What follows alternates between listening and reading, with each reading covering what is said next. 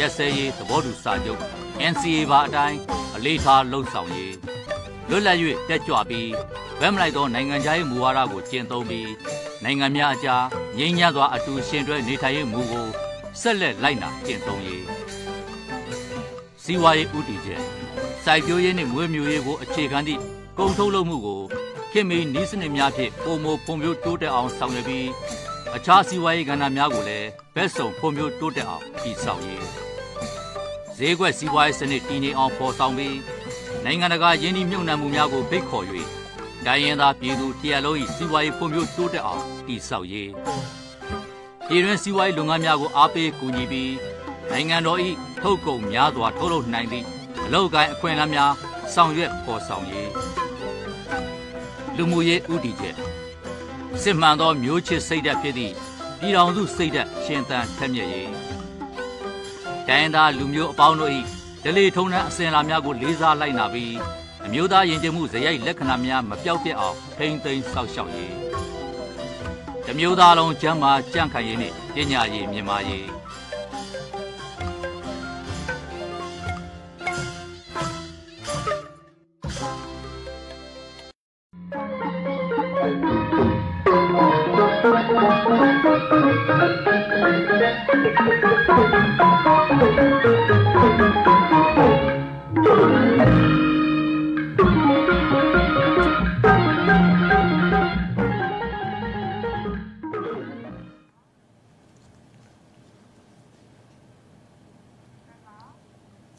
ကျမ်းမာတဲ့မူကြဝါစာရှင်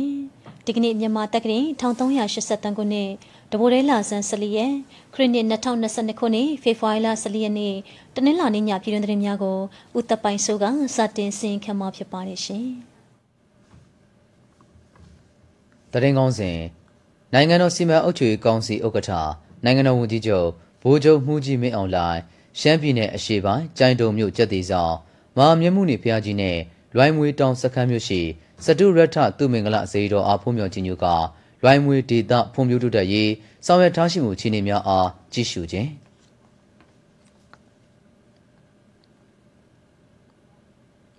နိုင်ငံတော်စီမံအုပ်ချုပ်ရေးကောင်စီဥက္ကဋ္ဌကအတည်ပြုလက်မှတ်ရေးထိုးတဲ့ဗတ်စုံပိုးဆောင်ရေးဥပဒေကိုဒုတိယအကြိမ်ပြင်ဆင်သည့်ဥပဒေကိုဒီကနေ့ရက်စွဲဖြင့်ထုတ်ပြန်ခြင်းတရင်ဆုံးလင်ပါနိုင်ငံတော်စီမံအုပ်ချုပ်ရေးကောင်စီဥက္ကဋ္ဌနိုင်ငံတော်ဝန်ကြီးချုပ် ဗိုလ်ချုပ်မှုကြီးမင်းအောင်လှိုင်သည်ဒီနေ့မိုးလယ်ပိုင်းမှာဇနီးတော်ကျကျူလာ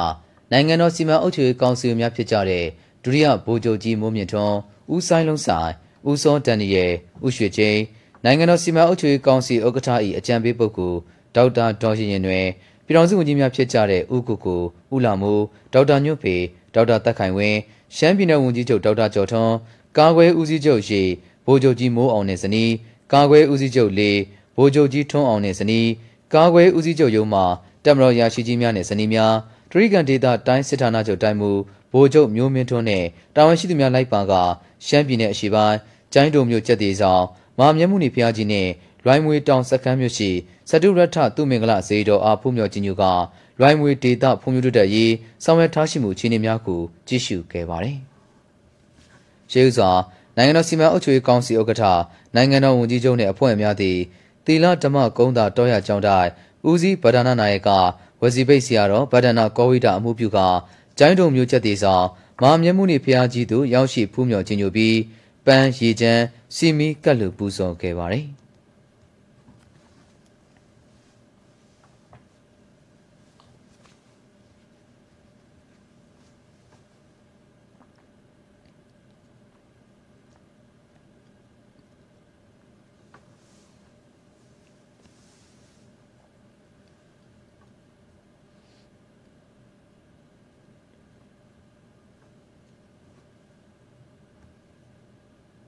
အဲဒီနောက်ဖျားကြီးအတွက်စေတနာရှင်အလူရှင်များမှစုပေါင်းလူဒန်းနဲ့ဗတ်ဆောင်အလူငွေ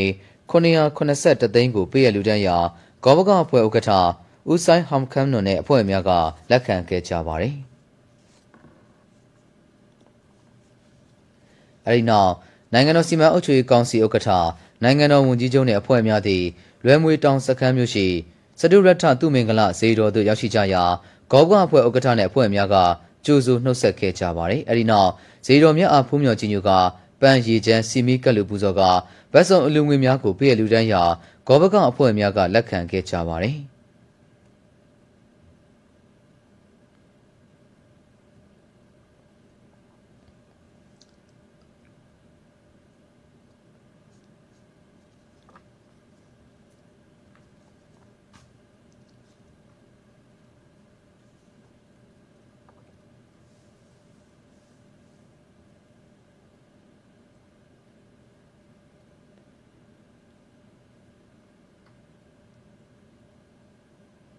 အဲဒီနောက်နိုင်ငံတော်စီမံအုပ်ချုပ်ရေးကောင်စီဥက္ကဋ္ဌနိုင်ငံတော်ဝန်ကြီးချုပ်သည်ဇေယျတော်ဧည့်သည်တော်မှတ်တမ်းစာအုပ်မှာလက်မှတ်ရေးထိုးပူဇော်ပြီးတောင်တန်းသာသနာပြုဆရာတော်ဗဒနာဝေပုံလာအားဖူးမြော်ခြင်းညို့ကနဝကမ္မအလူငွေများနှင့်လူဝယ်ပစ္စည်းများဆက်ကပ်လူတန်းခဲ့ပါသည်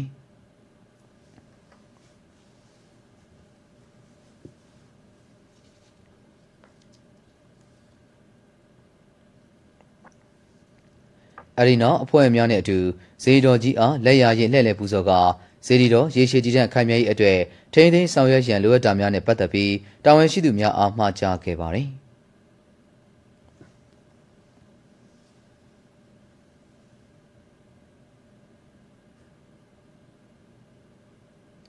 ဆက်လက်ပြီးနိုင်ငံတော်စီမံအုပ်ချုပ်ရေးကောင်စီဥက္ကဋ္ဌ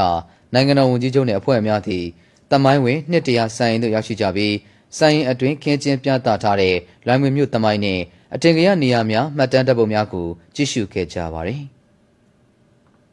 အဲဒီနောက်တက်တန်း104နှစ်ရှိပြီဖြစ်တဲ့စံအိမ်ကြီးရေရှည်တည်တံ့ခိုင်မြဲရေးအတွက်ပြုပြင်ထိန်းသိမ်းထားရှိမှုခြေနေများကိုကြည့်ရှုစစ်ဆေးက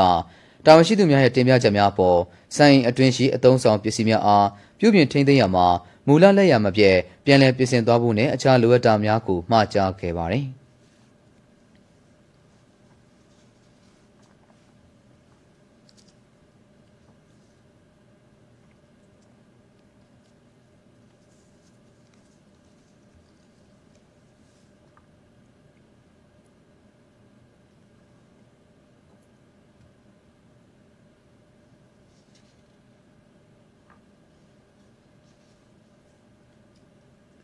အဲဒီနောက်နိုင်ငံတော်စီမံအုပ်ချုပ်ရေးကောင်စီဥက္ကဋ္ဌနိုင်ငံတော်ဝန်ကြီးချုပ်နှင့်အဖွဲ့များသည်ရန်မွေတောင်ကန်ဆယ်ခြင်းလုပ်ငန်းထိန်းသိမ်းခြင်းလုပ်ငန်းနှင့်အစင်းမြင့်ခြင်းလုပ်ငန်းများဆောင်ရွက်နေမှုအခြေအနေများနှင့်ကောင်းမှုတော်စိတ်အတွင်းရေတူလောင်ထားရှိမှုအခြေအနေများကိုတောင်းရောက်ကြည့်ရှုစစ်ဆေးရာတာဝန်ရှိသူများကလုပ်ငန်းဆောင်ရွက်လက်ရှိတဲ့အခြေအနေများကိုရှင်းလင်းတင်ပြခဲ့ကြပါသည်ရှင်းလင်းတင်ပြမှုများအပေါ်နိုင်ငံတော်စီမံအုပ်ချုပ်ရေးကောင်စီဥက္ကဋ္ဌ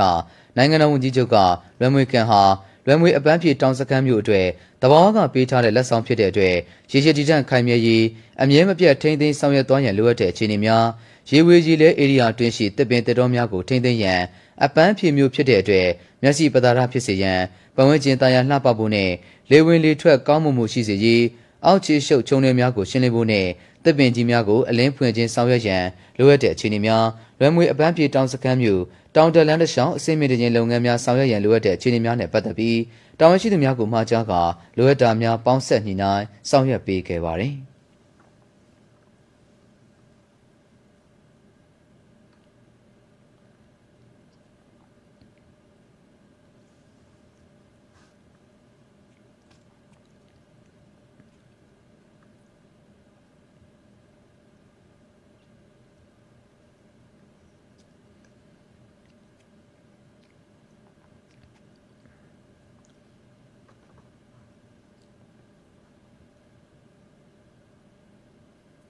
အဲဒီနောက်နိုင်ငံတော်စီမံအုပ်ချုပ်ရေးကောင်စီဥက္ကဋ္ဌနိုင်ငံတော်ဝန်ကြီးချုပ်နှင့်အဖွဲ့များသည်ဒေသဖွံ့ဖြိုးရေးအထောက်အကူဖြစ်စေဖို့အတွက်လွယ်မွေအပန်းဖြေတောင်စခန်းမြို့နှင့်ပန်ခွဲကျေးရွာရှိဗုဒ္ဓဥယျာဉ်သို့ဆက်လက်ပြေးဆွဲမယ် Sky Train တိစောက်မဲ့မြေနေရာသို့ရောက်ရှိကြကာတာဝန်ရှိသူများရဲ့ရှင်းလင်းတင်ပြမှုများပေါ်ရင်းရနာမဲ့နေရာနဲ့လမ်းများတွာလာမှုအဆင်ပြေစေရေးရေရှိကူမျိုးတွေးကစနစ်တကျတွက်ချက်တိစောက်သွားဖို့နဲ့အခြားအလိုအပ်တာများကိုမှာကြားခဲ့ပါတယ်။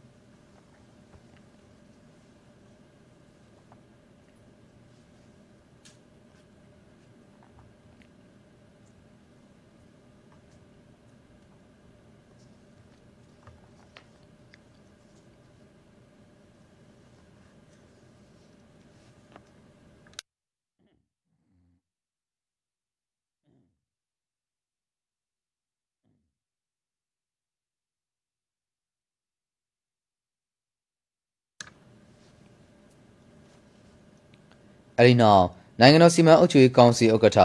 နိုင်ငံတော်ဝန်ကြီးချုပ်နှင့်အဖွဲ့များသည်နောင်တုံကန်အနီးမှာကျိုင်းတုံဟော်နန်းပုံစံတူတိစောက်မဲ့မြေနေရာအားတောင်းရောက်ကြည့်ရှုခဲ့ကတာဝန်ရှိသူများရဲ့တင်ပြချက်များပေါ်လိုအပ်တာများညှိနှိုင်းဆောင်ရွက်ပေးခဲ့ပါသည်။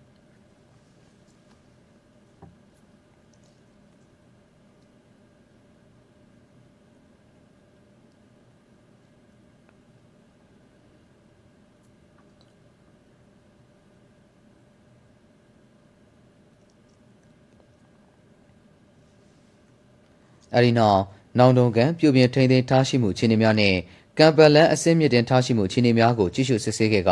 ကံပလန်မှာပြည်သူများလွတ်လပ်စွာဖြင့်ကိုလက်လှုပ်ရှားအားကစားများပြုလုပ်နိုင်မှုနဲ့အပန်းဖြေနိုင်ရန်ကံပလန်ဘေးမှာရှောက်လန်းအစင်းမြင့်တင်ဆောင်ရွက်သွားဖို့အတွက်တာဝန်ရှိသူများအားမှာကြားခဲ့ကြောင်းနဲ့ကံပလန်တစ်လျှောက်လိုက်လံကြည့်ရှုစစ်ဆေးခဲ့ကြောင်းသိရှိရပါတယ်ခင်ဗျာ။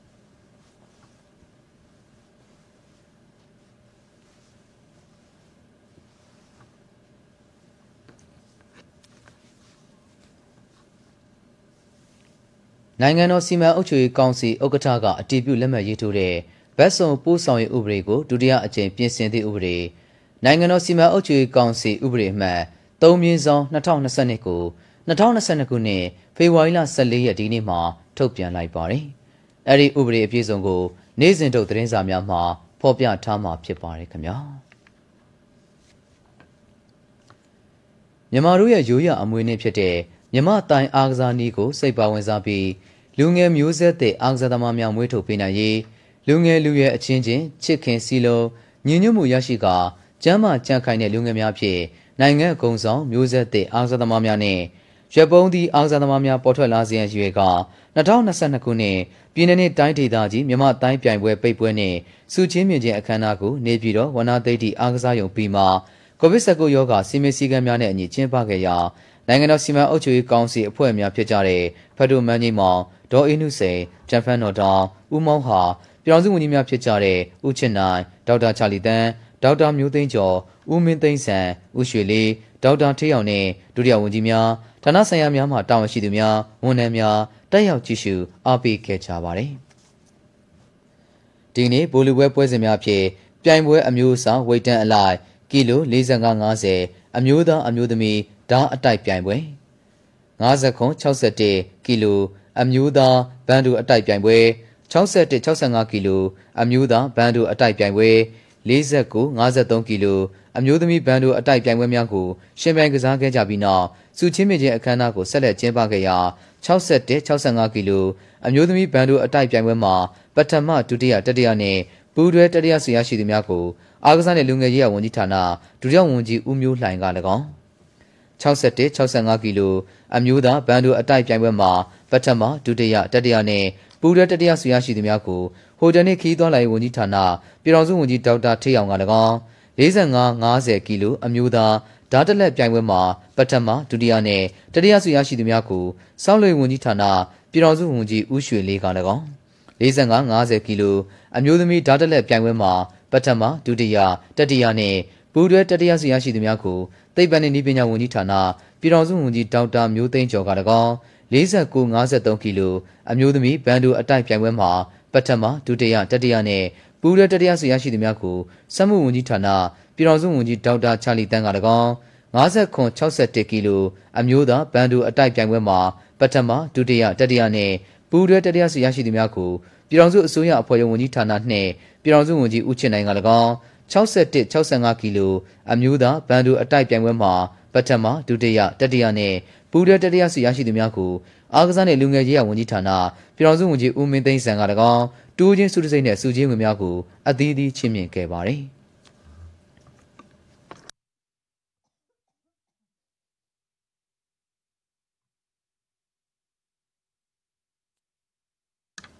ဆက်လက်ပြီး အမျိုးသားအမျိုးသမီးလက်တိုင်းအတိုက်ပြိုင်ပွဲမှာအကောင်းဆုံးဆုရရှိတဲ့မောင်ဇွဲဝေယံဖြိုးရှမ်းနဲ့မတ်စုမြတ်နိုးတနင်္သာရီဓာအတိုက်ပြိုင်ပွဲမှာအကောင်းဆုံးဆုရရှိတဲ့မောင်ဆိုင်လင်းထွေးရှမ်းနဲ့မတ်စင်မမို့ထွေးမကွေးတို့အားနိုင်ငံတော်စီမံအုပ်ချုပ်ရေးကောင်စီဖွဲ့ဝင်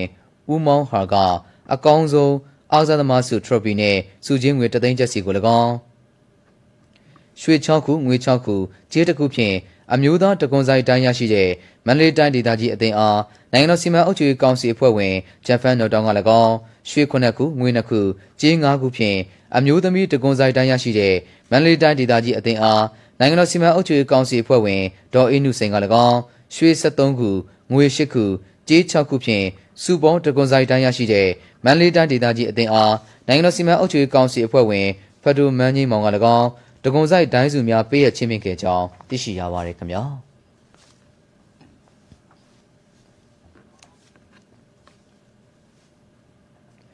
အခြေခံမဲစန္ဒရှင်စင်းများမှန်ကန်ရင်အတွေ့မြေပြင်လူရည်စင်းနဲ့တိုက်ဆိုင်စစ်ဆေးခြင်းရှေ့ပြေးလုပ်ငန်းစီမံချက်ဖွံ့ပွဲခန္ဓာကိုပြည်တော်စုနယ်မြေနေပြည်တော်အော်ဒရာဒေဒီမြို့နယ်ရှိပြည်တော်စုနယ်မြေရွေးကောက်ပွဲကော်မရှင်အဖွဲ့အခွဲရုံးမှကျင်းပရာပြည်တော်စုရွေးကောက်ပွဲကော်မရှင်ဥက္ကဋ္ဌဦးသိန်းစိုးကအဖွင့်အမှားစကားပြောကြားရမှာ ပြည်တော်စုရွေးကောက်ပွဲကော်မရှင်နေဖြင့်နိုင်ငံတော်စီမံအုပ်ချုပ်ရေးကောင်စီကချမှတ်ထားတဲ့ရှေ့လုပ်ငန်းစဉ်9ရက်အနက်အမတ်စဉ်1ဖြစ်တဲ့မဲစင်းများစစ်ဆေးခြင်းအပါအဝင်လှုပ်ဆောင်သင့်လှုပ်ဆောင်ထိုက်သည့်များကိုဥပဒေနဲ့အညီဆက်လက်ဆောင်ရွက်လျက်ရှိပြီးအမတ်စဉ်9ဖြစ်တဲ့အရေးပေါ်ကာလဆိုင်ရာပြဋ္ဌာန်းချက်များနဲ့အညီဆောင်ရွက်ပြီးစီးပါက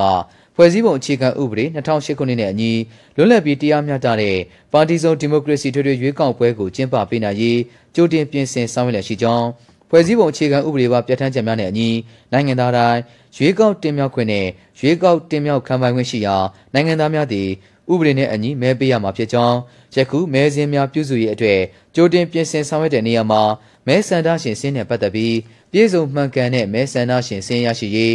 ဥပဒေနဲ့အညီပါဝင်ရမယ့်သူများပါဝင်ခွင့်ရရှိပြီးမပါဝင်သည့်သူများမပါဝင်စေရေးမဲပေးပိုင်ခွင့်ရှိသူများ မဲဆန္ဒရှင်စင်းမှာကြံရှိမနေစေတို့ကိုအထူးလေးထားပြီးမြို့နယ်အလိုက်အခြေခံမဲဆန္ဒရှင်စင်းများကိုလူဝင်မှုကြီးကြပ်ရေးနှင့်ပြည်သူ့အင်အားဝန်ကြီးဌာနရဲ့အိမ်တော်စုစင်းရေးပုံစံ66မြင်းဆောင်6အပေါ်အခြေခံပြီးပြုစုလျက်ရှိပါကြောင်းပြည်တော်စုနယ်မြေပါဝင်တိုင်းဒေသကြီးနဲ့ပြည်နယ်15ခုအနက်တိုင်းဒေသတိုင်းဒေသကြီးမွန်ပြည်နယ် AR တိုင်းဒေသကြီးနဲ့ပြည်တော်စုနယ်မြေတို့မှာအခြေခံမဲဆန္ဒရှင်စင်းများပြုစုပြီးဖြစ်ကြောင်းနဲ့ ကြံတိုင်းဒေသကြီးနဲ့ပြည်နယ်17ခုမှာလည်းမကြမီလုပ်ငန်းပြီးစီးတော့မှာဖြစ်ပါကြောင်း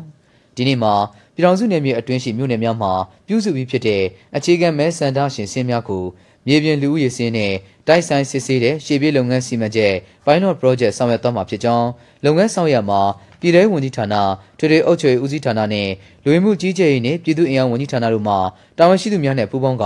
စစ်ဆေးဆောင်ရွက်သွားမှာဖြစ်ကြောင်း အဲ့ဒီလိုဆောင်ရွက်မှာလူဝင်မှုကြီးကြပ်ရေးနဲ့ပြည်သူ့အင်အားဝန်ကြီးဌာနအနေဖြင့်လည်းပန်းကင်းစီမံချက်အရာမှတ်ပုံတင်မရှိသေးသူများကိုမှတ်ပုံတင်ပြုလုပ်ပေးလျက်ရှိပြီးနိုင်ငံသားကရတဲ့ရထိုက်သူများကိုမှတ်ပုံတင်ရရှိအောင်ဆောင်ရွက်ပေးလျက်ရှိပါကြောင်းဒရီအုပ်ချုပ်ရေးဦးစီးဌာနအနေဖြင့်လည်းရက်ကွက်ကြေးရွာအုပ်စုများအတွင်မြေပြင်မှာအမှန်တကယ်နေထိုင်တဲ့လူဦးရေစင်းနဲ့တိုက်ဆိုင်စစ်ဆေးခြင်းဖြင့်တိကျမှန်ကန်တဲ့လူဦးရေစင်းများရရှိမှာဖြစ်ကြောင်းဒါကြောင့် တာဝန်ရှိတဲ့ပြည်ထောင်စုရွေးကောက်ပွဲကော်မရှင်ပြည်ထောင်ဝန်ကြီးဌာနထွေထွေအုပ်ချုပ်ရေးဦးစီးဌာနလူဝင်မှုကြီးကြပ်ရေးနှင့်ပြည်သူ့အင်အားဝန်ကြီးဌာနများပူးပေါင်းပါဝင်ကစစ်ဆေးဆောင်ရွက်သွားမှာဖြစ်ကြောင်းအဲဒီလိုဆောင်ရွက်ခြင်းဟာလာမယ့်ပါတီစုံဒီမိုကရေစီထွေထွေရွေးကောက်ပွဲကိုလွတ်လပ်ပြီးတရားမျှတမှုအပြည့်ဖြင့်စစ်မှန်ပြီးစီကံပြေဝတဲ့ရွေးကောက်ပွဲဖြစ်ရန်နိုင်ငံဝန်ထမ်းများအားလုံးအမျိုးသားရေးတာဝန်ကိုထမ်းဆောင်ရခြင်းဖြစ်တာကြောင့်ပူးပေါင်းဆောင်ရွက်ကြရမှာဖြစ်ကြောင်းပြောကြားခဲ့ပါတယ်။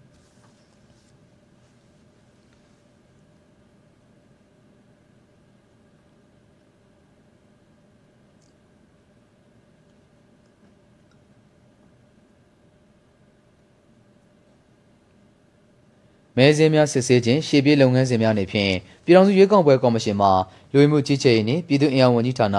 လူဦးရေစင်းပုံစံ66မြင်းဆောင်6အရာကြိုတင်စည်ရင်ပြုစုထားပြီးဖြစ်တဲ့လူဦးရေစင်းများကိုရက်ွက်ကြေးရွာအုပ်စုများမှာမြေပြင်လက်ရှိနေထိုင်လျက်ရှိတဲ့လူဦးရေစင်း ထွေတစ်ကားကြီးများနဲ့တိုက်ဆိုင်စစ်ဆေးခြင်းကိုပြည်ထောင်စုရွေးကောက်ပွဲကော်မရှင်ရုံးမှဦးစီးရရှိများလူဝင်မှုကြီးကြပ်ရေးနဲ့ပြည်သူ့အင်အားဝန်ကြီးဌာနမှတာဝန်ခံအရာရှိများရက်ကွက်အုပ်ချုပ်ရေးမှူးရာရင်မှူးစက်ရင်မှူးရက်ကွက်ကြေးရွာအုပ်စုစေးများပါဝင်တဲ့အဖွဲ့တို့ဖြင့်စစ်ဆေးဆောင်ရွက်သွားမှာလည်းဖြစ်ပါတယ်။အဲဒီလိုဆောင်ရွက်မှာတိုင်းခရိုင်မြို့နယ်များအလိုက်စည်ရင်းများကိုကွန်ပျူတာနည်းပညာကိုအသုံးပြုကာအပြန်အလှန်စစ်ဆေးခြင်းလုပ်ငန်းများကိုလည်းဆောင်ရွက်သွားမှာဖြစ်ကြောင်းသိရှိရပါတယ်ခင်ဗျာ။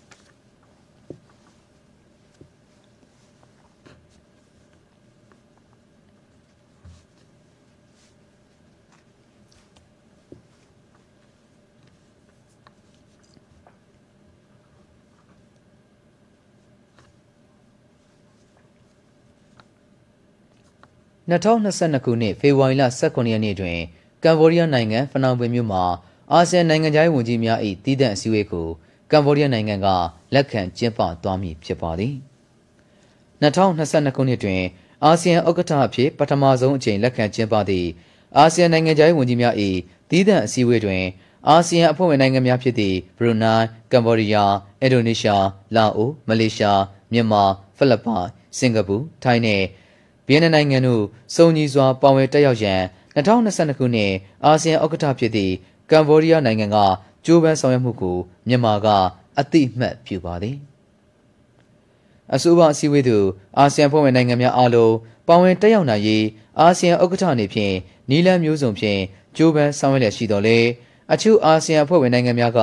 2021ခုနှစ်အောက်တိုဘာလ15ရက်နေ့ကကျင်းပခဲ့သည့်အာဆီယံနိုင်ငံခြားရေးဝန်ကြီးများ၏အရေးပေါ်အစည်းအဝေးတွင် ရခိုင်အာဆီယံအလဲကျဥက္ကဋ္ဌကတစ်ဖက်သက်ဆုံးဖြတ်ခဲ့သည့်မြန်မာနိုင်ငံကနိုင်ငံရေးအရာကိုစားမပြုသည့်ပုဂ္ဂိုလ်ကိုသာဖိတ်ကြားသွားရန်ဆုံးဖြတ်ချက်ကိုဆက်လက်စုပ်ကိုင်ထားသည်ကို တွေ့ရပါသည်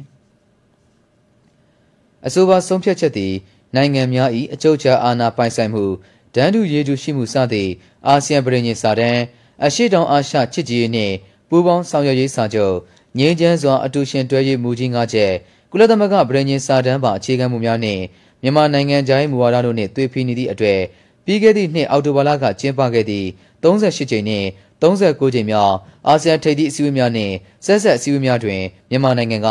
ပါဝင်တက်ရောက်နိုင်မှုမရှိခဲ့ခြင်းဖြစ်ပါသည်မြန်မာနှင့်အာဆီယံအကြားပူးပေါင်းဆောင်ရွက်ရေးတိုးတက်မှုရရှိရန်အာဆီယံဥက္ကဋ္ဌနှင့်မြန်မာနိုင်ငံတို့ကမြည်သို့ပင်ကြိုးပမ်းစေကမူမြန်မာနိုင်ငံကမူအရလက်မခံနိုင်သည့် ရခင်ဆုံးဖြတ်ခဲ့သည့်အခြေအနေသို့ပြန်လည်ရောက်ရှိလာသည်ကိုစိတ်မကောင်းစွာ တွေ့ရပါသည်တို့ဖြစ်ပါ၍အာဆီယံတွင် နိုင်ငံတိုင်းဒန်တူရီတူပါဝင်တက်ရောက်ခွင့်ရှိရေးဟုသည့်မူနှင့်ထုံတဲ့စင်လာများကိုသွေးဖိနေသည့်အတွေ့မလွဲမရှောင်သာသောအခြေအနေကြောင့်2022ခုနှစ်ဖေဖော်ဝါရီလ18ရက်နေ့တွင်ကျင်းပပြုလုပ်မည့်အာဆီယံနိုင်ငံခြားရေးဝန်ကြီးများ၏တည်တံ့အစည်းအဝေးသို့မြန်မာနိုင်ငံကပါဝင်တက်ရောက်နိုင်မည်မဟုတ်တဲ့ကဲ့သို့နိုင်ငံရေးအရာ ကိုစားမပြုသည့်ပုဂ္ဂိုလ်ကိုလည်းစေလွတ်တက်ရောက်စေနိုင်မည်မဟုတ်ကြောင်းဖော်ပြအပ်ပါသည်မြန်မာနိုင်ငံအနေဖြင့်အာဆီယံပြည်ညင်စာတမ်းပါဒန်းတူရေတူရှိရမည်မူနှင့်အညီလက်ရှိအာဆီယံအလဲကျဥက္ကဋ္ဌအပါအဝင်အဖွဲ့ဝင်နိုင်ငံများနှင့်အပြူသဘောဆက်လက်ထိတွေ့ပူးပေါင်းဆောင်ရွက်သွားမည်ဖြစ်ကြောင်းနိုင်ငံခြားရေးဝန်ကြီးဌာနမှဖေဖော်ဝါရီလ14ရက်ဒီနေ့မှာသတင်းထုတ်ပြန်ထားပါတယ်ခင်ဗျာ ဥပဒေရေးရာဝန်ကြီးဌာနကဦးဆောင်ပြီးအစိုးရဌာနအစိုးရအဖွဲ့အစည်းများပါဝင်တဲ့တရားမမှုများဆိုင်ရာအခြေခံတင်တဲ့အမတ်စဉ်တင်မြင့်ဆောင်2020နှစ်ဖွင့်ပွဲအခမ်းအနားကိုဒီနေ့မနက်ပိုင်းကကျင်းပရာပြည်ထောင်စုဝန်ကြီးနဲ့ပြည်ထောင်စုရှေ့နေချုပ်ဒေါက်တာသီတာဦးကအမှားစကားပြောကြားရမှာဥပဒေပညာပြန်ပွားရေးလုပ်ငန်းများဆောင်ရွက်နိုင်ရေးဥပဒေရုံးအဆင့်ဆင့်မှာတာဝန်ထမ်းဆောင်နေကြတဲ့ဥပဒေရရှိများဟာအစိုးရဌာနအစိုးရဖွဲ့စည်းကတရက်လူသို့မဟုတ်တရက်ပြန်ဖြစ်ပါဝင်တဲ့ တရားမမူလမှုအယူခံမှုအထူးအယူခံမှုပြင်ဆင်မှုနဲ့ထွေထွေလျှောက်ထားမှုများနဲ့ဆက်လက်ပြီး ဥပဒေအကြံဉာဏ်ပေးခြင်းနဲ့နိုင်ငံတော်ဘက်မှလိုက်ပါဆောင်ရွက်ခြင်းပြုရန်တာဝန်ရှိတဲ့အားလျော်စွာရင်းတရားမမှုများမှာသက်ဆိုင်ရာအစိုးရဌာနအစိုးရအဖွဲ့အစည်းကိုစားတရလူသို့မဟုတ်တရပြန်ဖြစ်တာဝန်ယူဆောင်ရွက်ရတဲ့ရာထမ်းများနဲ့အမှုလိုက်ပါဆောင်ရွက်ပေးရတဲ့ဥပဒေရရှိများကိုစွမ်းဆောင်ရွက်မြင့်တင်နိုင်မှုနဲ့တရားမျှတရေးအတွေ့ဥပဒေဝန်ဆောင်မှုမဟာဗျူဟာစီမံကိန်း2020-2024ရဲ့ရည်မှန်းချက်ကိုအကောင့်ထဲပေါ်ဆောင်ရွက်ခြင်းကို၎င်းရည်ရွယ်ပြီးဖွင့်လှစ်ခြင်းဖြစ်ပါကြောင်း အစိုးရဌာနအစိုးရအဖွဲ့အစည်းကတရက်လူသို့မဟုတ်တရက်ပြန်ဖြစ်ပါဝင်တဲ့တရားမမှုများမှာသက်ဆိုင်ရာအစိုးရဌာနအစိုးရအဖွဲ့အစည်းကိုစားတရက်လူသို့မဟုတ်တရက်ပြန်အဖြစ်တာဝန်ယူဆောင်ရွက်ရတဲ့အရာတမ်းများနဲ့အမှုလိုက်ပါဆောင်ရွက်ပေးရတဲ့ဥပဒေရရှိများဟာတာဝန်အလွန်ကြီးမားပါကြောင်းဥပဒေအရာရှိတဦးဦးရဲ့လိုအပ်ချက်တရရက်ကြောင့်အမှုရှုံးနေရတာကြောင့်နိုင်ငံတော်ဗန်နာငွေများပါဝင်အခြားသောဆုံးရှုံးမှုများမဖြစ်ပေါ်စေရေး ပို့ချပေးသွားမှာဖြစ်တဲ့အတွက်အကျိုးကျေးဇူးရရှိစေမှာဖြစ်ကြောင်းပြောကြားခဲ့ပါတယ်။အဆိုပါတင်တဲ့သူဝန်ကြီးဌာနများနဲ့နေပြည်တော်စီမံသားရိုက်ကော်မတီတို့မှတင်နန်းသားတင်နန်းသူစုစုပေါင်း55ဦးတို့တက်ရောက်ခဲ့ကြကြောင်းသိရှိရပါတယ်ခင်ဗျာပြန်ကြားဝန်ကြီးဌာနပြည်ထောင်စုဝန်ကြီးဦးမမောင်အောင်သည်ဗုဒ္ဓဘာသာကလျာဏယူဝအသင်း YMPA နဲ့ဘာသာပေါင်းစုံချစ်ကြည်ညီညွတ်ရေးအဖွဲ့မှတာဝန်ရှိသူများအားဒီနေ့မနက်ပိုင်းက နေပြည်တော်ရှိပြန်ကြားဝန်ကြီးဌာနစီဝေးကမ္ဘာမှာတွေ့ဆုံခဲ့ပါတယ်။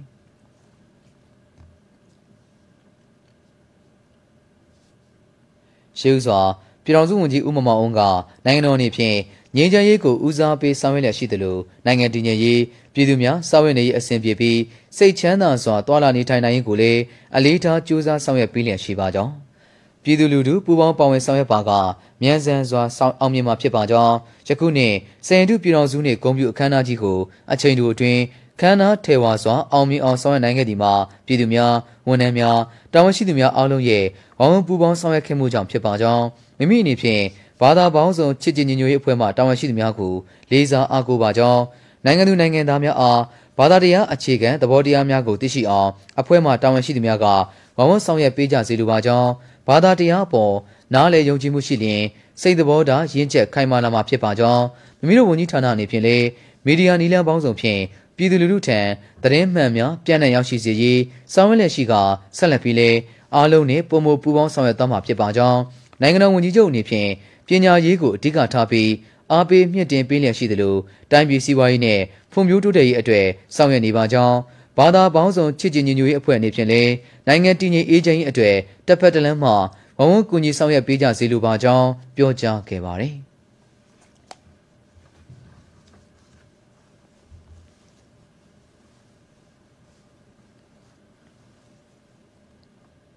အဲဒီနောက်ဗုဒ္ဓဘာသာကလျာဏယူဝအသင်း YMP ဥက္ကဋ္ဌဦးရထွန်းကအသင်းဖွဲ့စည်းဆောင်ရွက်နေမှုများ 38ဖြာမင်္ဂလာတရားတော်နှင့်အဘိဓမ္မာသင်တန်းတို့ကိုအွန်လိုင်းမှသင်ကြားပို့ချနိုင်ရေးဆောင်ရွက်နေမှုများကိုရှင်းလင်းတင်ပြခဲ့ပါတယ်။အဲဒီနောက် YMBA အသင်းအတွင်းမှုနဲ့ဘာသာပေါင်းစုံချစ်ကြည်ညွတ်ညွတ်ရေးအဖွဲ့မှဒုတိယဥက္ကဋ္ဌများတာဝန်ရှိသူများကကဏ္ဍအလိုက်ဆောင်ရွက်သွားမယ့်ကိစ္စများနဲ့ဆက်လက်ပြီးရှင်းလင်းတင်ပြကြပြီးပြည်တော်စုဝန်ကြီးကလိုအပ်ချက်များကိုပေါင်းဆက်ညှိနှိုင်းဆောင်ရွက်ပေးခဲ့ကြောင်းသိရှိရပါတယ်ခင်ဗျာ။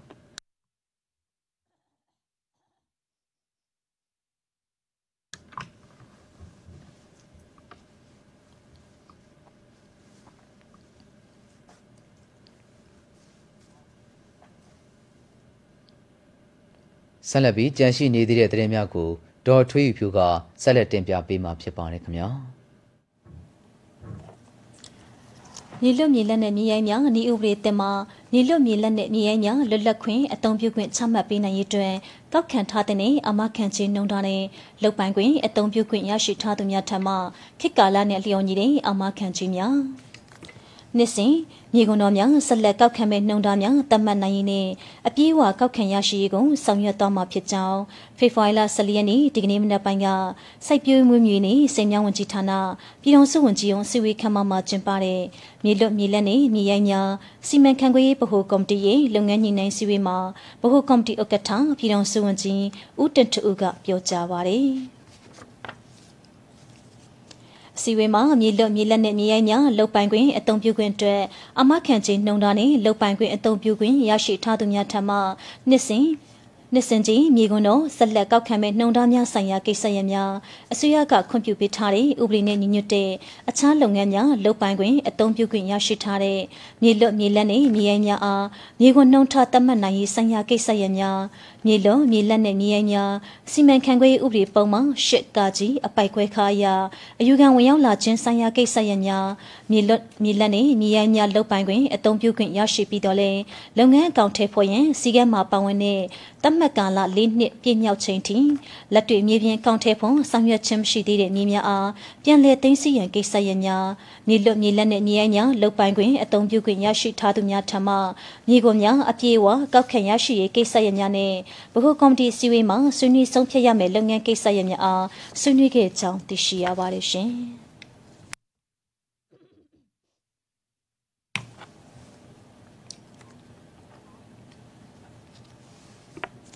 စမှုဝန်ကြီးဌာနပြည်တော်စုဝန်ကြီးဒေါက်တာချာလီတန်ဟာ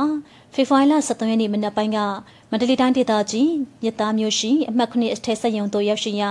ဆက်ယုံမှုကအစက်မြင့်ချီများထုတ်လုပ်နိုင်ရေးအတွက်စက်ပစ္စည်းကိရိယာများအားမွန်မှန်ပြင်ဆင်ဆောင်ရွက်လျက်ရှိတဲ့ခြေနေတို့ကိုရှင်းလင်းတင်ပြပြီးပြည်တော်စုဝန်ကြီးကအစမြင့်ချီများစီးပွားဖြစ်ထုတ်လုပ်နိုင်ရေးအတွက်လိုအပ်တဲ့စက်အရန်ပစ္စည်းများအချိန်မီရရှိအောင်စီမံဆောင်ရွက်ထားရမှာဖြစ်ပါကြောင်း အစစ်မြစ်ချီများထုတ်လုပ်ရေးအတွက်စက်ပစ္စည်းကိရိယာများပြုပြင်မွမ်းမံရေးလုပ်ငန်းများအချိန်တို့အတွင်းပြီးစီးရန်ဝန်ထမ်းအလုံးမှတညီလက်ညီပူးပေါင်းဆောင်ရွက်ကြရမှာဖြစ်ပါကြောင်းစက်ယုံလက်ပတ်နိုင်ရေးအတွက်လိုအပ်တဲ့ဝါဝယ်ရေးလုပ်ငန်းများကိုတတ်မှတ်စည်းညှင်းစည်းကမ်းများနဲ့ညီလေလွတ်မှုမရှိအောင်ကြက်မှတ်ဆောင်ရွက်ရမှာဖြစ်ပါကြောင်းမှာကြားပါရယ်။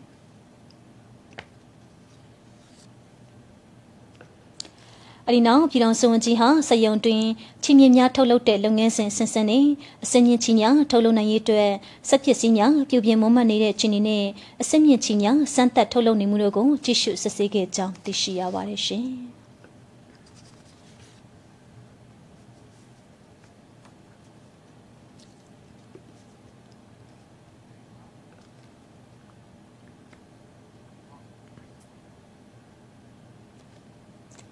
85နှစ်မြောက်စင်ရတုပြည်တော်စုနှင့်ပြည်တော်စုလန်တော်တည်ရွေးဖွဲ့နှင့်စီရေးပြအောင်မြင်စွာဆောင်ရွက်ခဲ့တဲ့ဝန်ထမ်းများအားဂုဏ်ပြုပွဲခမ်းနားကိုဒီကနေ့မွန်လယ်ပိုင်းကအလုသမားဝန်ကြီးဌာနစီဝေးခမ်းမမှာကျင်းပရာပြည်တော်စုဝန်ကြီးဦးမြင့်ကြိုင်က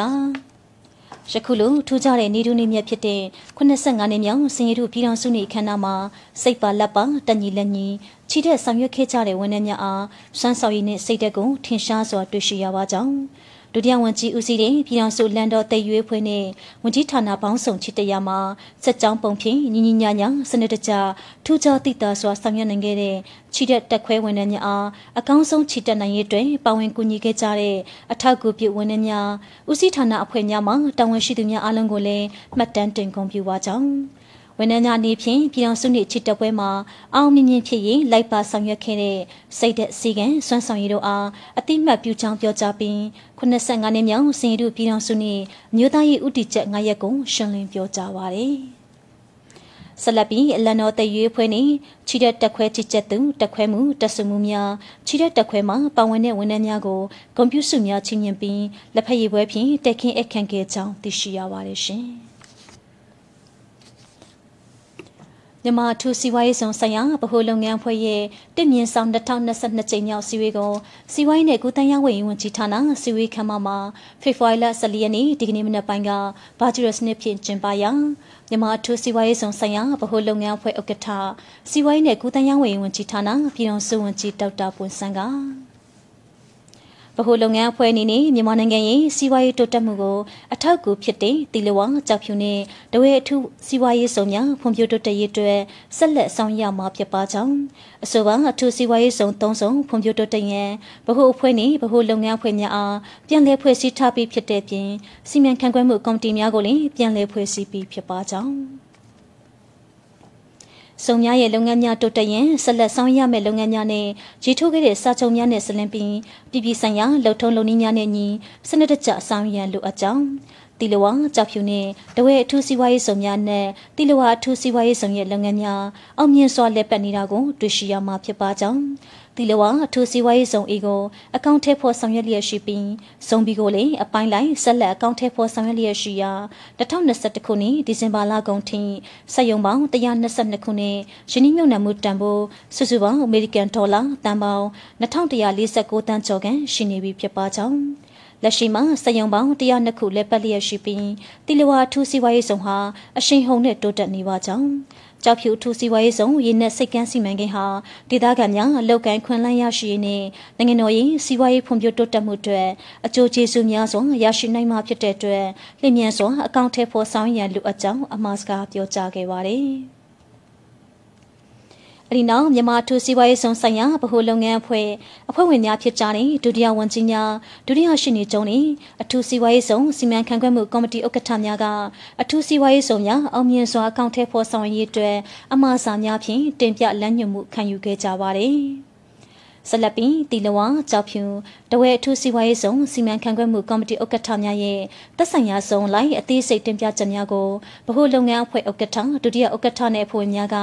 မှတ်တမ်းတင်အတည်ပြုခဲ့ကြကြောင်းသိရပါတယ်။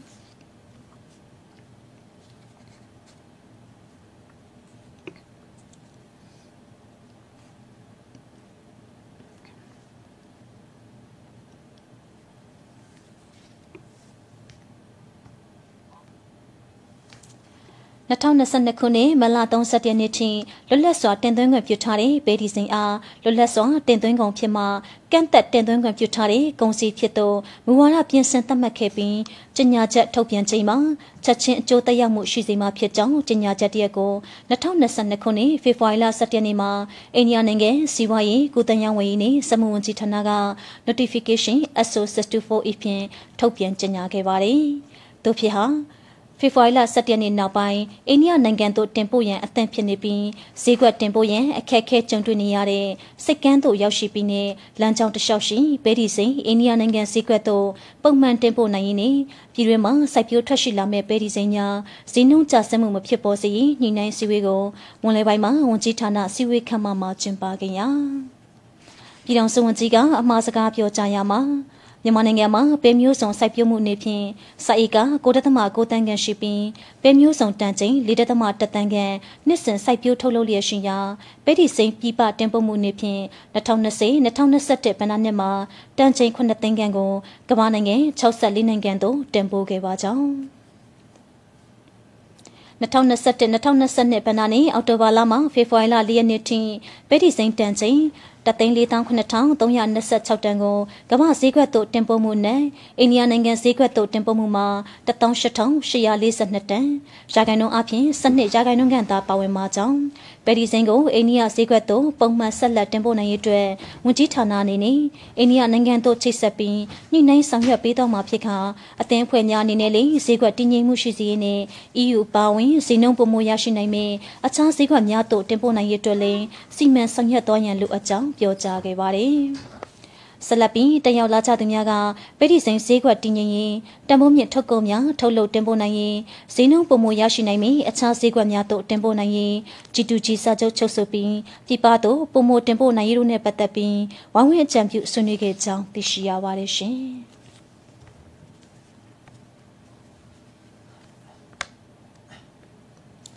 ဆောက်လုပ်ရေးဝန်ကြီးဌာနအစအဦးလန်တတာမြို့ပြနယ်အင်အားဖွံ့ဖြိုးရေးဦးစီးဌာနနဲ့ကျေးလက်လမ်းဖွံ့ဖြိုးရေးဦးစီးဌာနတို့မှဝန်ထမ်းများရဲ့အလုတ်ခွင်ဝင်တင်တဲ့အမတ်စဉ်တင်မြင့်ဆောင်2020တင်နန်းစင်ပွဲကိုဒီကနေ့နေ့လယ်ပိုင်းကဆောက်လုပ်ရေးဝန်ကြီးဌာနစုဝေးခမ်းမဆောင်မှာကိုဗစ် -19 ညွှန်ကြားချက်များနဲ့ညီကျင်ပါရာပြည်ထောင်စုဝန်ကြီးဦးရွှေလေးက တနင်္ရဲ့အဓိကရွေချက်ဟာပြောင်းလဲတိုးတက်လာတဲ့ခက်စနစ်နဲ့ကိုင်ညီတဲ့ဤပညာရည်များကိုဆက်ဆက်မပြတ်လေ့လာသင်ယူပြီးမိမိတာဝန်များကိုခြေဝန်စွာထမ်းဆောင်နိုင်ရန်ဖြစ်ပါကြောင်းတနန်းသူတနန်းသားများဟာမိမိတို့ရဲ့ရှေ့သွေးကိုမြင့်မားတိုးတက်လာအောင်စ조사လေ့လာဆောင်ရွက်ပြီးနိုင်ငံဝန်ထမ်းကျုံဝင်အင်ဂျင်နီယာကျုံဝင်တိတ်ခါနဲ့ညီလေ့လာစီဘူးကြိုးပမ်းဆောင်ရွက်သွားကြရမှာဖြစ်ပါကြောင်း နိုင်ငံဝန်ထမ်းများဖြစ်တဲ့အတွက်နိုင်ငံတော်မှချမှတ်ထားတဲ့ဤဥပဒေများစီမံစည်းကမ်းများကိုသိရှိလိုက်နာကြရန်လိုအပ်ပါကြောင်းပြောကြားပါရယ်။။ အဲဒီနောက်ညွှန်ကြားမှုချုပ်များကအစအုပ်ဦးစီးဌာနမှ38ဦး၊လမ်းဦးစီးဌာနမှ142ဦး၊တံတားဦးစီးဌာနမှ28ဦး၊မြို့ပြနယ်အင်ယာဖွံ့ဖြိုးရေးဦးစီးဌာနမှ164ဦး၊ကျေးလက်လမ်းဖွံ့ဖြိုးရေးဦးစီးဌာနမှ82ဦးစုစုပေါင်းတနန်းသားတနန်းသူ353ကိုစားတနန်းသားတနန်းသူအဖွဲ့ခေါင်းဆောင်များအားတနန်းအောင်လက်မှတ်များပေးအပ်ခဲ့ကြောင်းသိရှိရပါတယ်ရှင်။ ထိုင်းနိုင်ငံမှာဦးဆောင်ပြီး2021ခုနှစ်ဒီဇင်ဘာလ15ရက်နေ့မှ18ရက်နေ့ထိဘာဂျူရစနစ်ဖြင့်ကျင်းပခဲ့တဲ့18ကြိမ်မြောက်အာဆီယံလူမှုဝန်ထမ်းနှင့်ဖွံ့ဖြိုးတိုးတက်ရေးဆိုင်ရာအစည်းအဝေးရရှိကြီးများစည်းဝေးနှင့်ဆက်ဆက်စည်းဝေးများကျင်းပစဉ်ကာလအတွင်း ချီးမြှင့်ခဲ့တဲ့အာဆီယံလူမှုဝန်ထမ်းနှင့်ဖွံ့ဖြိုးတိုးတက်ရေးဆိုင်ရာထူးချွန်ဆုရရှိခဲ့တဲ့မြန်မာနိုင်ငံအမျိုးသမီးရေးရာအဖွဲ့ချုပ်အားစုပေးအပ်ချီးမြှင့်ခြင်းခမ်းနားကိုဒီကနေ့မနက်ပိုင်းကလူမှုဝန်ထမ်းကေစိမ်းနဲ့ပြည်내နေရာချထိုင်းဝန်ကြီးဌာနဝန်ကြီးရုံးစုပေါင်းခမ်းမမှာကျင်းပရာပြည်ထောင်စုဝန်ကြီးဒေါက်တာတတ်တတ်ခိုင်ကအဖွင့်အမှားစကားပြောကြားရမှာ မြန်မာနိုင်ငံအနေနဲ့အာဆီယံစီဝေးများကိုအရှင်းနိုင်ငံဖြင့်အလှည့်ကျဆောင်ရွက်လျက်ရှိပြီးအာဆီယံအမျိုးသမီးရေးရာဝန်ကြီးများဆင့်စီဝေးကို2024ခုနှစ်မှာ၎င်းအာဆီယံလူမှုဝန်ထမ်းနှင့်ဖွံ့ဖြိုးတိုးတက်ရေးဆိုင်ရာစင်မြင့်ရရှိကြီးများဆင့်စီဝေးနှင့်ဆက်ဆက်စီဝေးများကို2025ခုနှစ်မှာ၎င်းအင်ရှင်ဖြင့်လက်ခံကျင်းပတော်မှာဖြစ်ပါကြောင်း ထိုင်းနိုင်ငံကဦးဆောင်ကျင်းပခဲ့တဲ့18ကြိမ်မြောက်အာဆီယံလူမှုဝန်ထမ်းနှင့်ဖွံ့ဖြိုးတိုးတက်ရေးဆိုင်ရာအစိမ့်မြင့်ရရှိကြီးများစီဝေးနှင့်ဆက်ဆက်စီဝေးများကျင်းပစဉ်ကာလအတွင်းချီးမြှင့်ခဲ့တဲ့အာဆီယံလူမှုဝန်ထမ်းနှင့်ဖွံ့ဖြိုးတိုးတက်ရေးဆိုင်ရာထူးချွန်ဆုရရှိခဲ့တဲ့မြန်မာနိုင်ငံအမျိုးသမီးရာအဖွဲ့ချုပ်တွင်များစွာဂုဏ်ယူမိပါကြောင်း ဆူရှင်ပြန်ရမှာတင်သွင်းခဲ့တဲ့မြန်မာနိုင်ငံအမျိုးသမီးရေးအဖွဲ့ချုပ်ကအကောင့်ထဲဖော်ဆောင်ရွက်လျက်ရှိတဲ့ကျေလက်နေအမျိုးသမီးများဖွံ့ဖြိုးတိုးတက်ရေးစီမံချက်ဟာကျေလက်နေအမျိုးသမီးများတွင်များစွာအကျိုးကျေးဇူးရရှိစေမှာဖြစ်ပြီးလူမှုဝန်ထမ်းဦးစီးဌာနကအကောင့်ထဲဖော်ဆောင်ရွက်လျက်ရှိတဲ့အမျိုးသမီးများဖွံ့ဖြိုးတိုးတက်ရေးလုပ်ငန်းများကိုတစ်ဖက်တစ်လမ်းကအထောက်အကူဖြစ်ပါကြောင်း အာဆီယံလုပ်ငန်းဆိုင်ရာများကိုအကောင့်ထဲဖော်ဆောင်ရမှာဖြစ်စဉ်လူမှုဝန်ထမ်းလုပ်ငန်းများကိုအကောင့်ထဲဖော်ဆောင်ရမှာဖြစ်စဉ်အစိုးရမဟုတ်သောအဖွဲ့အစည်းများ NGO များရဲ့အခမ်းကဏ္ဍဟာများစွာရေးပါတာကြောင့်နောက်လာမယ့်အာဆီယံလုပ်ငန်းစဉ်များနဲ့လူမှုဝန်ထမ်းလုပ်ငန်းများကိုအကောင့်ထဲဖော်ဆောင်ရမှာပူးပေါင်းဆောင်ရွက်သွားရင်တိုက်တွန်းပြောကြားပါရစေဆလပီအာဆီယံထူးချွန်စုရှင်ပြန်ရမှာတင်သွင်းခဲ့တဲ့ကြီးလက်နေအမျိုးသမီးများဖွံ့ဖြိုးတိုးတက်ရေးစီမံချက်နဲ့ပတ်သက်ပြီးဗီဒီယိုပြသပါရစေ။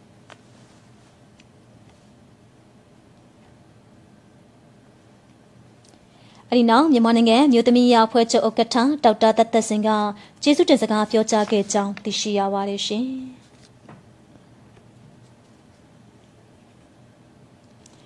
ဖွံ့ဖြိုးတိုးတက်မှုလာလာကောင်းတရရဲ့ပြယုံခေါင်းဆောင်မှုရင်းမြစ်တိစောက်ခြင်းဆိုင်ရာတတိယကြိမ်လုပ်ယုံဆွေးနွေးပွဲဖွံ့ဖြိုးခန္ဓာကိုကိုဗစ် -19 ရောဂါဆိုင်ရာထုတ်ပြန်ထားရှိတဲ့စီကံသတ်မှတ်ချက်များနဲ့ညီဒီကနေ့မနက်ပိုင်းကပြည်ထောင်စုရာထဝင်အဖွဲ့ရုံးမှတ်19စုပေါင်းခန့်မှမှာကျင်းပရာ ပြည်ထောင်စုရာထဝင်အဖွဲ့ဥက္ကဋ္ဌဦးတန်းဆွေတက်ရောက်ပြီးအဖွဲ့အမှားစကားပြောကြားရမှာယခုလုံယုံဆွေးနွေးပွဲမှာလည်းရခင်ဆွေးနွေးပွဲများလိုရလက်ကောင်းများပုံမရရှိနိုင်ရင်အလုံးမှာဆက်လက်စူးစမ်းဆောင်ရွက်မယ်လို့ယုံကြည်ပါကြောင်း ဖွဲ့စည်းများမှချမှတ်ထားရှိတဲ့ရည်မှန်းချက်မျှော်မှန်းချက်များကိုအကောင့်ထဲပေါ်ဆောင်ရမှာမူလကချမှတ်ထားရှိတဲ့ဖွဲ့စည်းပုံစံတိစောက်မှုပုံမတိုးတက်ကောင်းမွန်စေရေးသုံးသက်ခြင်းပြန်လည်ပြုပြင်ခြင်းတို့ကိုခက်စနစ်အခြေအနေနဲ့လက်ရောညီထွေစွာဆောင်ရွက်နိုင်ရမှာဖြစ်ပါကြောင်းပြုပြင်ခြင်းဆောင်ရမှာလေမိမိပတ်ဝန်းကျင်လူမျိုးဘာသာဒလိထုံတန်းစင်လာတို့ကိုလည်းထည့်သွင်းစဉ်းစားဆောင်ရမှာဖြစ်ပါကြောင်း ဒါအပြင်ဖွဲ့စည်းများမှာဖြစ်ပေါ်ပြောင်းလဲခဲ့တဲ့မူဝါဒကြုံတွေ့ခဲ့ရတဲ့ချင်းနီများပေါ်မူတည်ပြီးဖွဲ့စည်းဆိုင်ရာဖွဲ့စည်းမှုပုံစံများပုံဖော်ရေးဆွဲခြင်းဆောင်ရမှာကြိုတင်ပြင်ဆင်မှုဟာအရေးကြီးပါကြောင်းပြောကြားပါရယ်။ ယခုကျင်းပတဲ့တတိယကြိမ်လုံယုံဆွေးနွေးပွဲဟာအဖွဲ့အစည်းတရက်ရဲ့ရီမန်းချက်ပန်းတိုင်များပြည်မြောက်အောင်မြင်ခြင်းမှတဆင်ပြည်သူများရဲ့အကျိုးစီးပွားကိုပုံမှုဆောင်ရွက်နိုင်ရင်ရည်ရွယ်ကျင်းပခြင်းဖြစ်ပြီးလုံယုံဆွေးနွေးပွဲပထမနေ့မှာအဖွဲ့အစည်းဆိုင်ရာအဖွဲ့အစည်းမှုပုံစံများပုံဖော်ရေးဆွဲခြင်းကောင်းစဉ်နဲ့အဖွဲ့အစည်းဆိုင်ရာဒလီထုံးစံကောင်းစဉ်တို့နဲ့ဆက်လင်း၍ဆွေးနွေးကြပါရစေ။ လုံယုံဆွေးနွေးပွဲဒုတိယနေ့မှာအဖွဲ့အစည်းဆိုင်ရာပြောင်းလဲမှုကောင်းစဉ်နဲ့အဖွဲ့အစည်းဆိုင်ရာဖွံ့ဖြိုးတိုးတက်မှုကောင်းစဉ်များနဲ့ဆက်လင်း၍ဆွေးနွေးခြင်းများပြုလုပ်သွားမှာဖြစ်ပြီးအလုံယုံဆွေးနွေးပွဲတတိယနေ့မှာပထမနေ့နဲ့ဒုတိယနေ့များမှာဆွေးနွေးခဲ့တဲ့ကောင်းစဉ်လိုက်စုဖွဲ့၍ဆွေးနွေးခြင်းရင်းဆွေးနွေးမှုရလဒ်များကိုပြန်လည်တင်ပြခြင်းတို့ကိုပြုလုပ်ခဲ့ပြီးဆွေးနွေးတင်ပြခဲ့တဲ့ပုံတူချင်းလိုက်အုပ်စုလိုက်စုချင်းမြင့်ပြည့်ခြင်းများပြုလုပ်သွားမှာဖြစ်ပါတယ်။ လူယုံဆွေးနွေးပွဲကာလမှာဖေဖော်ဝါရီလ14ရက်နေ့မှာဖေဖော်ဝါရီလ16ရက်နေ့အထိဖြစ်ပြီးအရာတန်းမှုတွင်66ဦးတို့ကတတ်မှတ်ကောင်းစင်များလိုက်ဆွေးနွေးမှုများပြုလုပ်ခဲ့ကြောင်းသိရှိရပါတယ်ရှင်။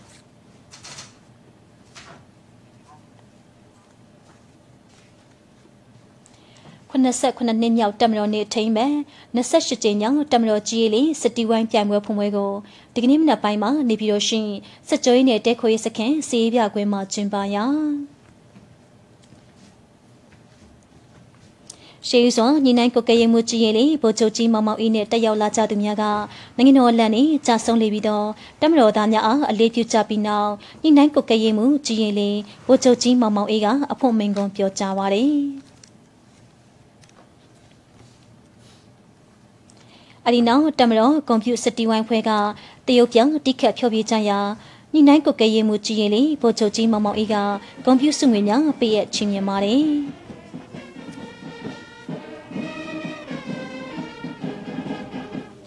ဆိုပါ89နှစ်မြောက်တမတော်နေထိမ့်မဲ့28ကြိမ်မြောက်တမတော်ကြီးရည်လေးစတီဝိုင်းပြိုင်ပွဲကိုပြိုင်ပွဲဝင်အသင်းပေါင်း28သင်းဖြင့်ဖေဖော်ဝါရီလ18ရက်နေ့ထိကျင်းပသွားမှာဖြစ်ကြောင်းသိရှိရပါတယ်ရှင်။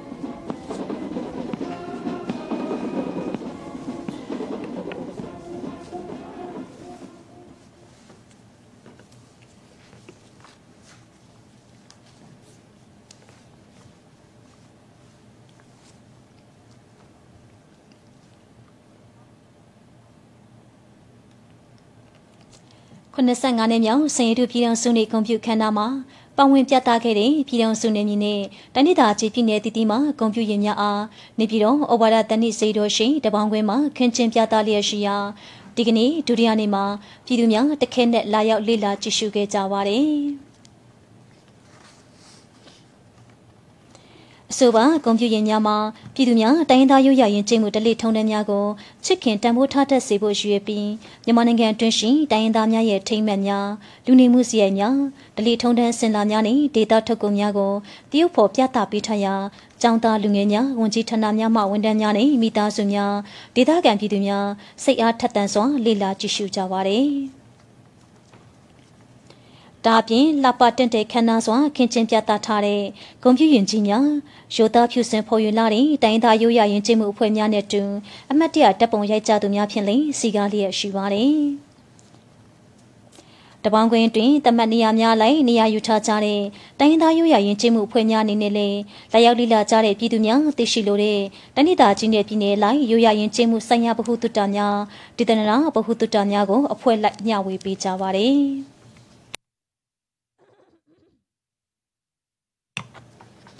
မကွေတိုင်းဒေသကြီးယဉ်ကျေးမှုအဖွဲ့ဝင်များဟာလှသောအညာမီ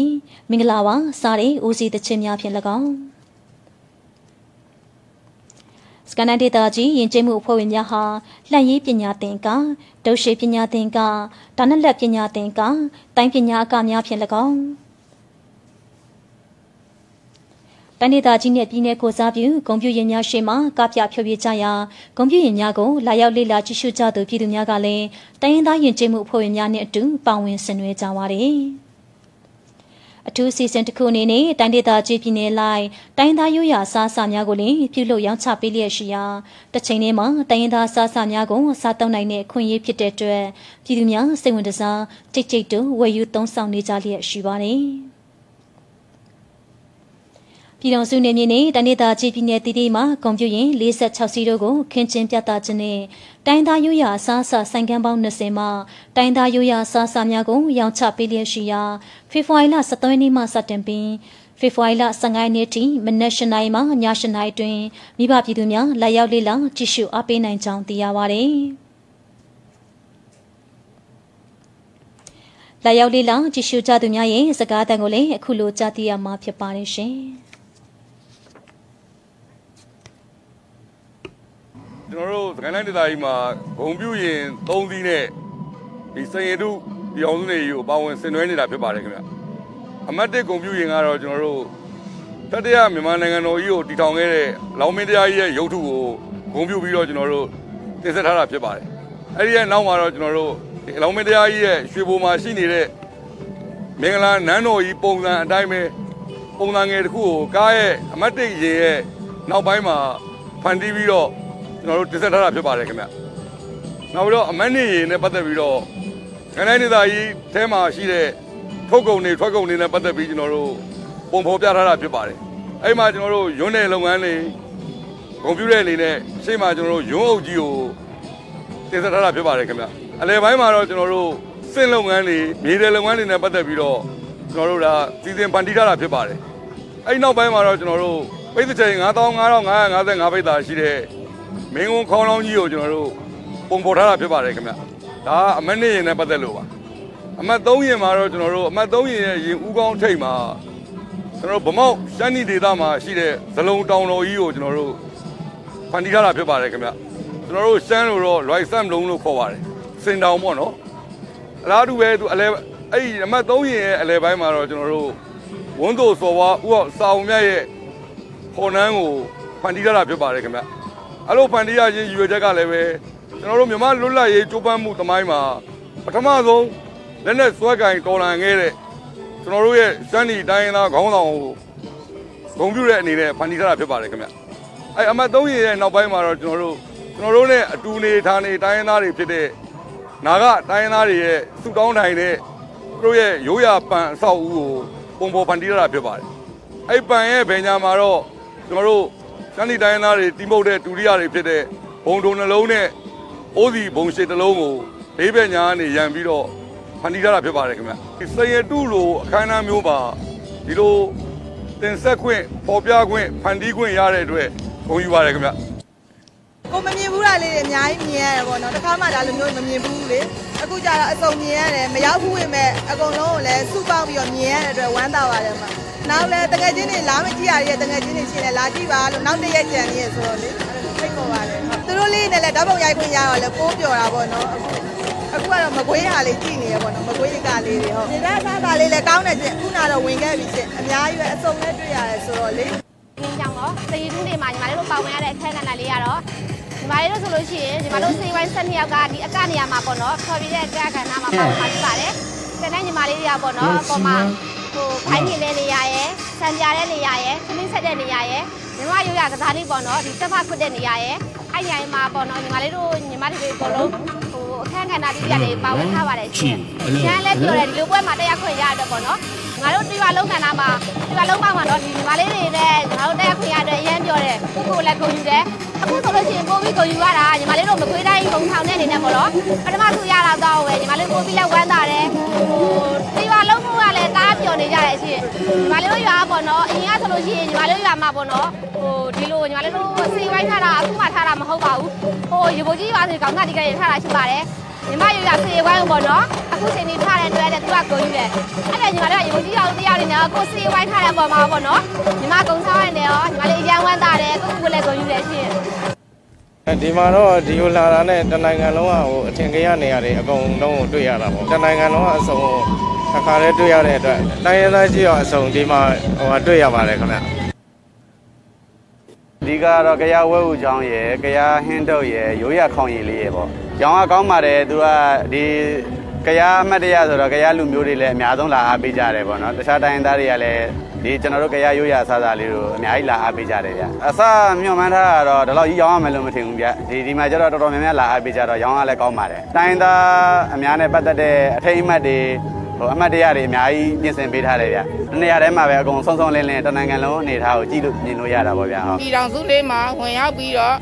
ကုညီရတာဝမ်းသာပါတယ်ပီတီလက်ဖြစ်ပါတယ်ရှင်မုတ်စီကျော်မုတ်လက်နှိပ်မုတ်လက်ကောက်ကျော်ဒီမုတ်မုတ်ဖောက်ကျော်ပေါ့ဒီလိုမုတ်ဆိုလို့ချင်းဒါကျမတို့မြန်မာမုတ်ဆိုတော့ဒါပဲပဲသုံးဆဲတော့ပါပဲရှင်အာဝေးရတာတဲ့ပြည်သူတွေလည်းပဲဒီရဲ့ပွဲမှာစားတောက်နိုင်ပါတယ်လို့ကျမကိုနဲ့ဖိတ်ခေါ်ပါတယ်ရှင်ဟိုကျွန်တော်တို့တစ်သက်မှာဟို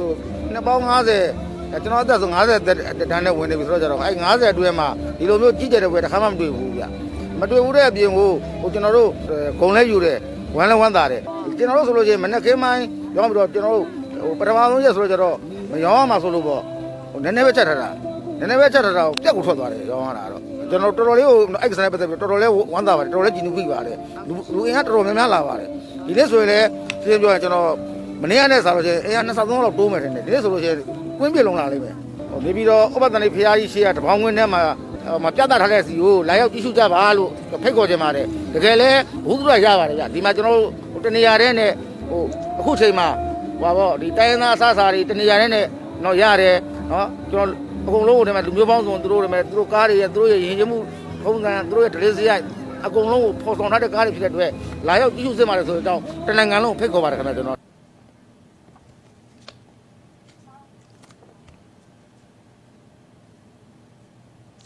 ကျန်းမာရေးဝန်ကြီးဌာနအနေနဲ့နိုင်ငံအတွင်းကူးစက်ဖြစ်ပွားနေတဲ့ COVID-19 ရောဂါကာကွယ်ကုသထိန်းချုပ်ရေးလုပ်ငန်းများကိုအရှိန်အဟုန်မြင့်တင်ဆောင်ရွက်လျက်ရှိပါတယ်။ COVID-19 တန်တရားလူနာများတက်ခွဲတီဖြူလူနာနဲ့နိကက်ထိတွေ့ခဲ့သူများနဲ့အသွင်အလာကန့်သက်ထားရှိသူများအား COVID-19 ရောဂါရှိမရှိတက်ခွဲဆန်းသက်စစ်ဆေးခြင်းအားပုံမှန်ဆောင်ရွက်လျက်ရှိပြီး